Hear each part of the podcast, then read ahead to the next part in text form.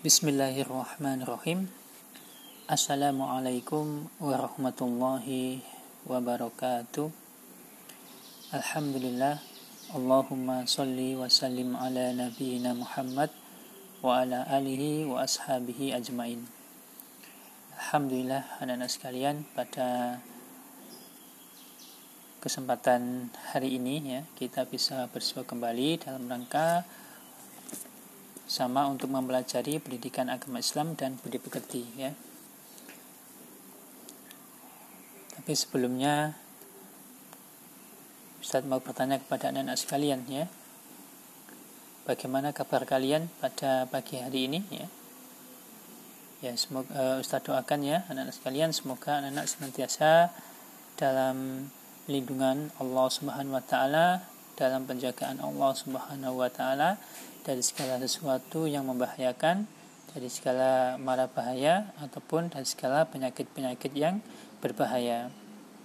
Dan semoga Allah memberikan kebaikan kepada kita semuanya. Amin Allahumma amin. Anak-anak sekalian, Insya Allah kita akan melanjutkan pembelajaran kita ya, yaitu pelajaran yang ke 11 ya yaitu ayo kita sholat ya.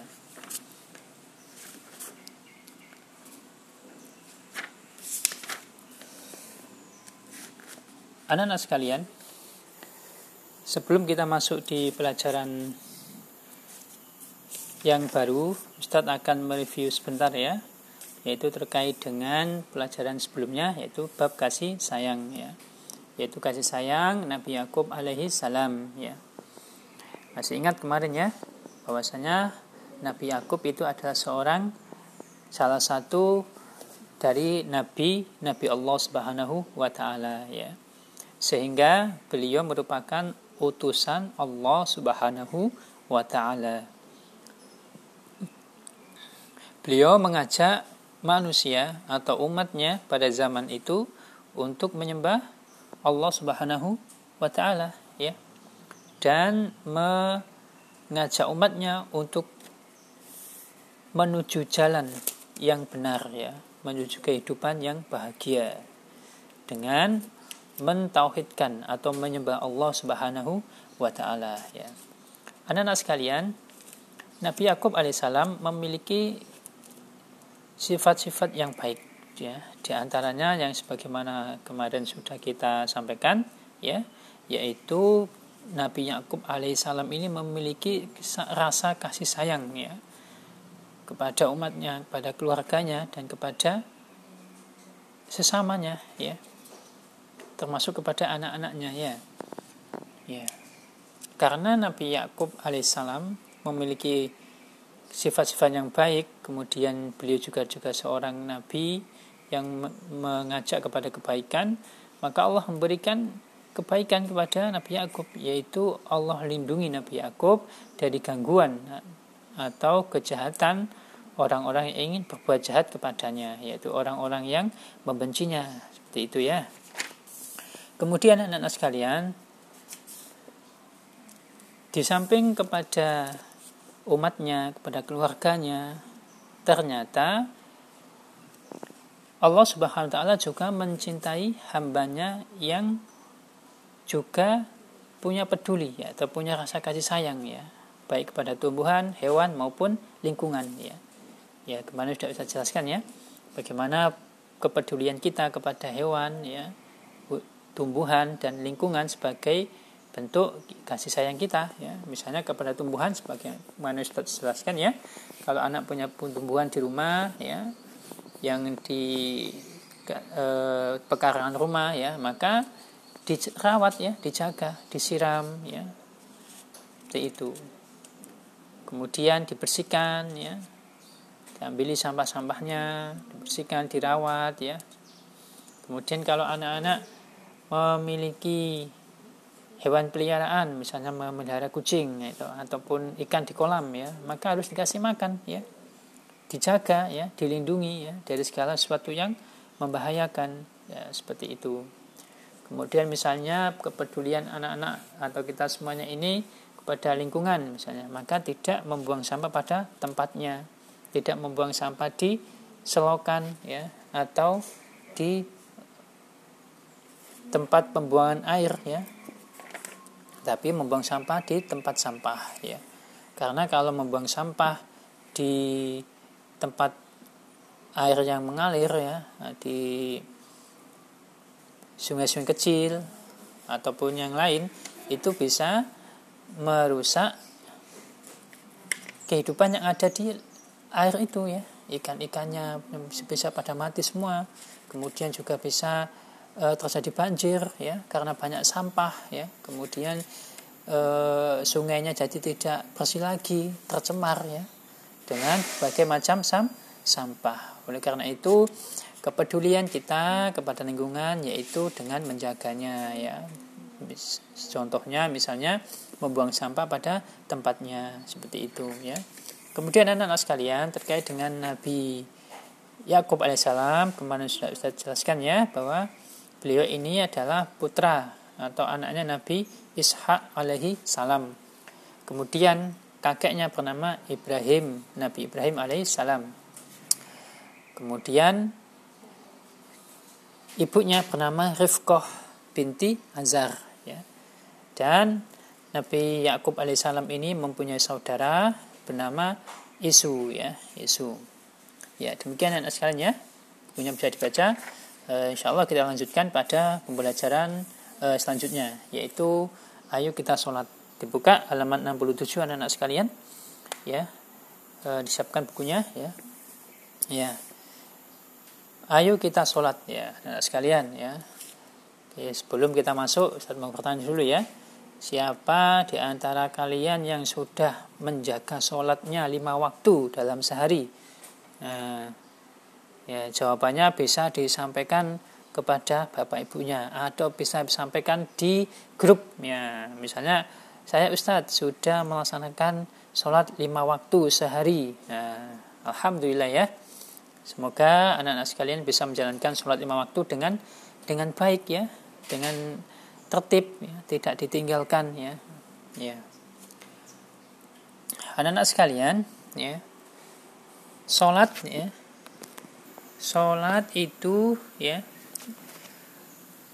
adalah doa ya. Menurut bahasa sholat itu doa ya. Doa. Jadi sholat secara bahasa anak-anak sekalian itu doa ya. Doa. Kemudian menurut istilah dalam agama kita yaitu bentuk ibadah ya kepada Allah Subhanahu wa taala berupa perkataan dan perbuatan dengan tata cara tertentu ya yang diawali dengan takbir dan diakhiri dengan salam ya. Diawali dengan takbir dan diakhiri dengan salam ya. Anak-anak sekalian itu ya pengertian sholat dan sholat itu menurut bahasa adalah doa ya. Kemudian menurut istilah e, suatu bentuk ibadah kepada Allah berupa perkataan dan perbuatan dengan tata cara tertentu yang diawali dengan takbir dan diakhiri dengan salam ya supaya anak-anak tahu ya sholat itu apa Ustadz ya, supaya tahu ya ya bisa didengarkan kembali ya Kemudian supaya anak-anak juga bisa mantap ya ketika menjalankan sholat, jadi tahu pengertiannya sholat itu apa ya. Kemudian anak-anak sekalian, sholat itu adalah salah satu bentuk kita berterima kasih kepada Allah Subhanahu wa taala ya. Atas nikmat-nikmat atau kebaikan-kebaikan yang telah Allah berikan kepada kita ya itu. Maka kita cara terima kasihnya salah satunya adalah dengan sholat ya dengan mengingat Allah ya itu kemudian anak-anak sekalian sholat itu hukumnya wajib ya hukumnya wajib ya. Jadi semua harus melaksanakan ibadah sholat ya. Berarti kalau wajib kalau tidak melakukan berarti berdo berdosa ya berarti berdosa. Terus bagaimana Ustadz bagi yang orang-orang yang sakit nggak sholat ya tetap harus sholat ya. Ya. Kemudian anak-anak sekalian sholat itu sudah ditentukan waktunya ya. Jadi sudah ditentukan waktunya sholat lima waktu ya. Sholat duhur ya sholat asar sholat maghrib sholat isya sholat subuh ya. Waktunya berbeda-beda ya. Nah, dan anak-anak harus berlatih ya. Berlatih untuk melaksanakan dan menjaga untuk melakukan ibadah sholat ya. Berlatih ya. Itu kemudian anak-anak sekalian sholat itu merupakan bukti kita taat kepada Allah Subhanahu wa taala. Ya. Jadi kalau ada orang yang mengaku cinta kepada Allah Subhanahu wa taala kemudian dia tidak sholat ya mendengar suara andan tidak bergegas untuk sholat ya maka cintanya adalah tidak benar ya. Tidak benar cintanya ya. Nah, cinta orang yang benar kepada Allah Subhanahu wa taala, maka ketika datang suara azan terdengar ya, maka sudah waktunya sholat, maka segera melaksanakan so, sholat ya. Anak-anak ini berarti ya, anak ya. Kalau mendengar azan, maka hendaknya segera mengambil air wudhu dan so, sholat ya bersama ayah ibunya ya itu. Yang laki-laki belajar sholat bersama di masjid ya. Kemudian anak-anak sekalian, ya, manfaat sholat, ya, bahwa manfaat sholat salah satunya, ya, yaitu mampu menjauhkan kita dari perbuatan yang jelek, ya, perbuatan yang keji dan mungkar, ya, perbuatan yang mengandung dosa, ya, perbuatan yang dibenci sama Allah Subhanahu wa taala dan yang dibenci oleh Rasulullah Shallallahu alaihi Wassalam. Ya. Sehingga ketika kita sholat, kita berusaha melakukan sholat dengan ba dengan baik, dengan tertib ya, disiplin, dengan tenang. Ya ini, dengan tenang ya, nggak boleh sholat e, cepet-cepetan. Nah, nah, tapi harus dengan te tenang ya. Kalau sujud, sujud yang tenang, ruku, ruku yang tenang ya. Berdiri berdiri yang te yang tenang ya. Itu ya. Kemudian anak-anak sekalian sholat yang baik dan sholat yang lebih utama adalah sholat yang dilakukan tepat pada waktunya ya. Tepat pada waktunya di awal waktu ya. Sebagaimana itu tadi Ustaz, Ustaz Jan sampaikan ya. Ketika kita mendengar azan kita segera untuk wudhu kemudian so sholat ya. Jangan ditunda-tunda ya. Ditunda nanti ya. Ya nanti aja. Masih asik main Ustadz masih asik nonton film Ustadz ya. Masih asik nonton TV Ustadz ya. Tidak boleh nak ya. Jadi uh, mendengar adzan uh, maka bersegera wudhu dan so sholat ya. Ini akhlak yang baik nak ya.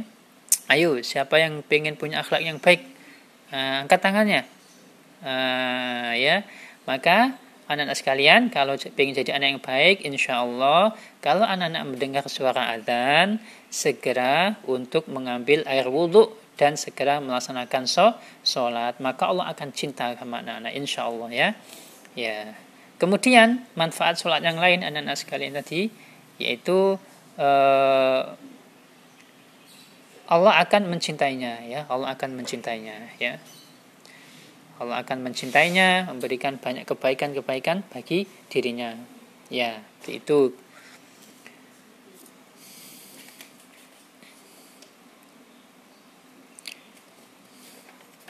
Ustaz Zain, misalnya saya lagi ngerjakan tugas sekolah ini Ustaz. Kemudian terdengar azan, pekerjaan saya belum selesai. Bagaimana Ustaz? Saya lanjutkan ngerjakan atau sholat dulu? Nah, jawabannya adalah anak-anak sholat dulu, ya, wudhu dulu, kemudian sholat, ya. Baru nanti kalau setelah selesai sholat, sholat dengan tenang, ya. Kalau sudah selesai, baru anak-anak melanjutkan pekerjaannya, ya, menyelesaikan tugasnya tadi, tugas sekolah yang diberikan sama ustadz dan ustadzahnya, ya.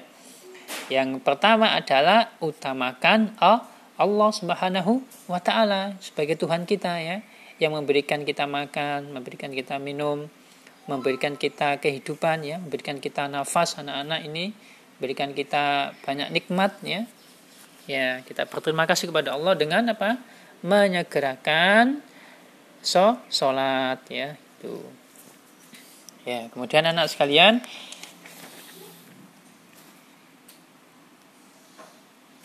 di situ ada latihan ya. Kegiatan satu membuat kelompok ya. Kemudian memperagakan gerakan sholat. Nah, ini Ustadz minta supaya anak-anak nanti melihat video ya, melihat video yang akan Ustadz Zen share di grup, nanti bisa dibuka, e, dipandu sama bapak ibunya, kemudian dilihat dan diperagakan di depan e, orang tuanya ya, entah itu bapaknya atau ibunya atau sama bapak ibunya ya, dipraktekkan ya, itu ya, silakan nanti sama bapak ibunya ya, oke. Eh, baiklah anak-anak sekalian, setelah kita uh, mempelajari terkait dengan sholat, ya, uh, hukumnya, kemudian waktunya, kemudian manfaatnya tadi, ya, uh, kemudian sholat di awal waktu, ya, kemudian sekarang kita masuk di bacaan sholat, ya, bacaan sholat ini anak-anak sekalian ini panjang sekali ya pembahasannya ya Nah, dari tak niat sampai salam ya. Ini Ustadz akan cicil insya Allah ya. Biar anak-anak bisa paham ya. Ustadz juga ingin anak-anak sekalian bisa menghafal bacaan sholat dengan baik dan benar ya. Ya, anak-anak sekalian, di buku ini, anak sekalian, Ustadz Zen lihat ya, ini ada beberapa yang perlu kita uh,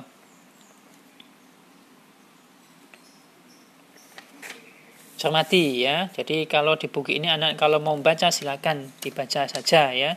Tapi adapun untuk bagaimana gerakannya ataupun bacaannya nanti anak-anak bisa mencontoh dari materi video yang Ustadz akan bagikan ya. Jadi tidak perlu menggunakan yang ada di buku ini ya.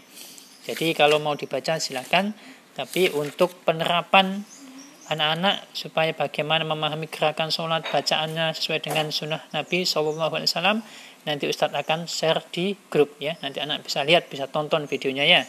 Bisa mencontoh itu ya. Kemudian anak-anak sekalian eh, tadi sudah Ustadz sampaikan ya bahwa Allah Subhanahu Wa Taala ya mencintai orang yang mendirikan sholat ya silakan dibuka halaman 68 ya anak-anak uh, yang A itu ya, yang bacaan sholat ya. Allah Subhanahu Wa Taala mencintai orang yang mendirikan so, sholat ya. Ini termasuk manfaat sholat tadi ya. Kemudian anak-anak sekalian, kita memohon pertolongan kepada Allah salah satunya dengan melaksanakan ibadah sholat ya. Jadi kalau anak-anak ingin ditolong sama Allah maka sholatnya harus disiplin ya, harus yang sergap ya. Tidak boleh bolong-bolong ya. Supaya anak-anak ditolong. Kalau anak-anak ada ada sesuatu masalah ya seperti itu ya. Ya sebagaimana Allah eh, berfirman ya dalam Quran bahwasanya mintalah tolong kepada Allah dengan sabar dan so, solat ya. Jadi kita sholat dalam rangka juga ketaatan kepada Allah kemudian menjalankan perintah Allah sekaligus meminta pertolongan kepada Allah dengan memperbaiki sholat kita ya. Seperti itu ya.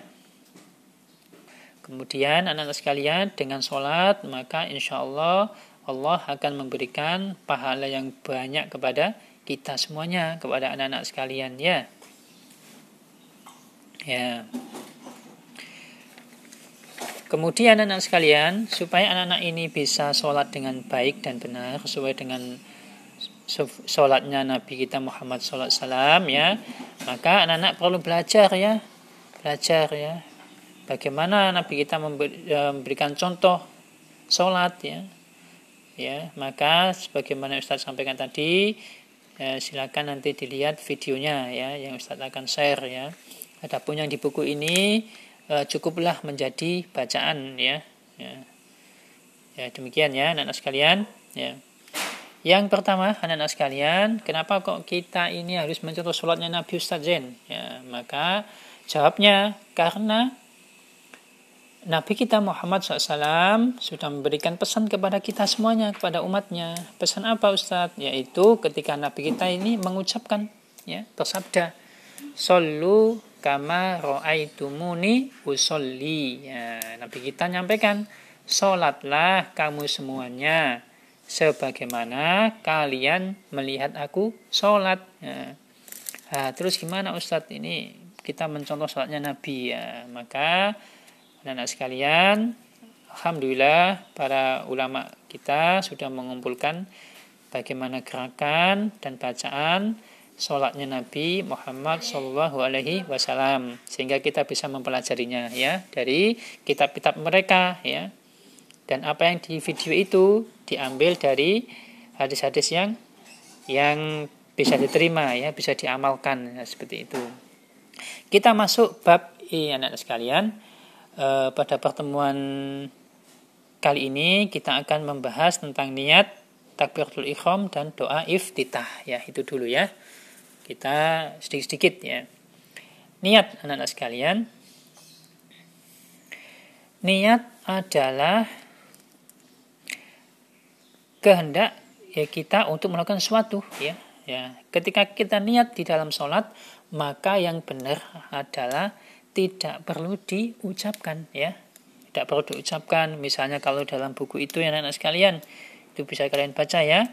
Itu ada contoh bacaan niat halaman 68 Usoli fardol isya'i arba'a rokaatin mustaqbilal kiblati adaan makmuman au imaman lillahi ta'ala. Nah itu niat yang dicontohkan di buku ya. Tapi Ustadz mengajari kepada anak-anak supaya niat itu diucapkan di dalam hati ya. Niat itu di hati tidak diucapkan di lisan. Ketika ketika berdiri mau sholat baca usoli fardul isya'i dan sebagainya. Ya, tidak perlu nak ya. Jadi niat di dalam ha, hati ya. Demikian ya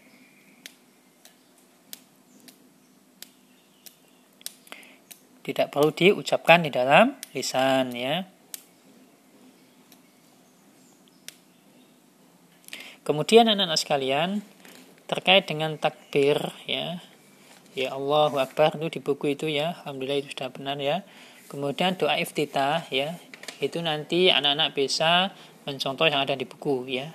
Kemudian tugasnya adalah anak-anak setelah ini me menyimak atau mendengarkan audio dari Ustadz Zen ini, kemudian setelah itu menyimak materi video tentang sholat dan nanti dihafalkan bagaimana takbir dan doa iftitah ya. Seperti itu ya.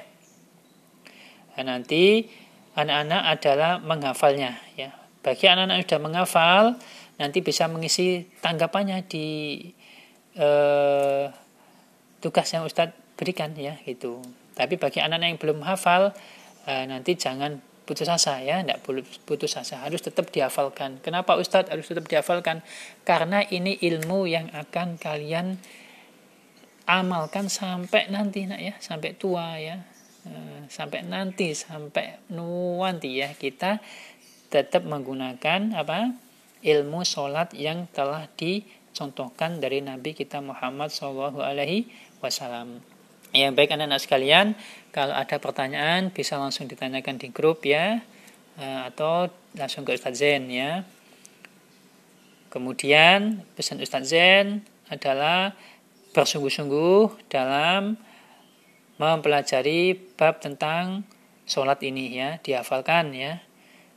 Ya, demikian semoga jawaban manfaat. Akhirul kalam wa akhiru da'wana walhamdulillahi rabbil alamin. Subhanakallahumma bihamdik asyhadu an la ilaha illa anta astaghfiruka wa atubu ilaik. Assalamualaikum warahmatullahi wabarakatuh.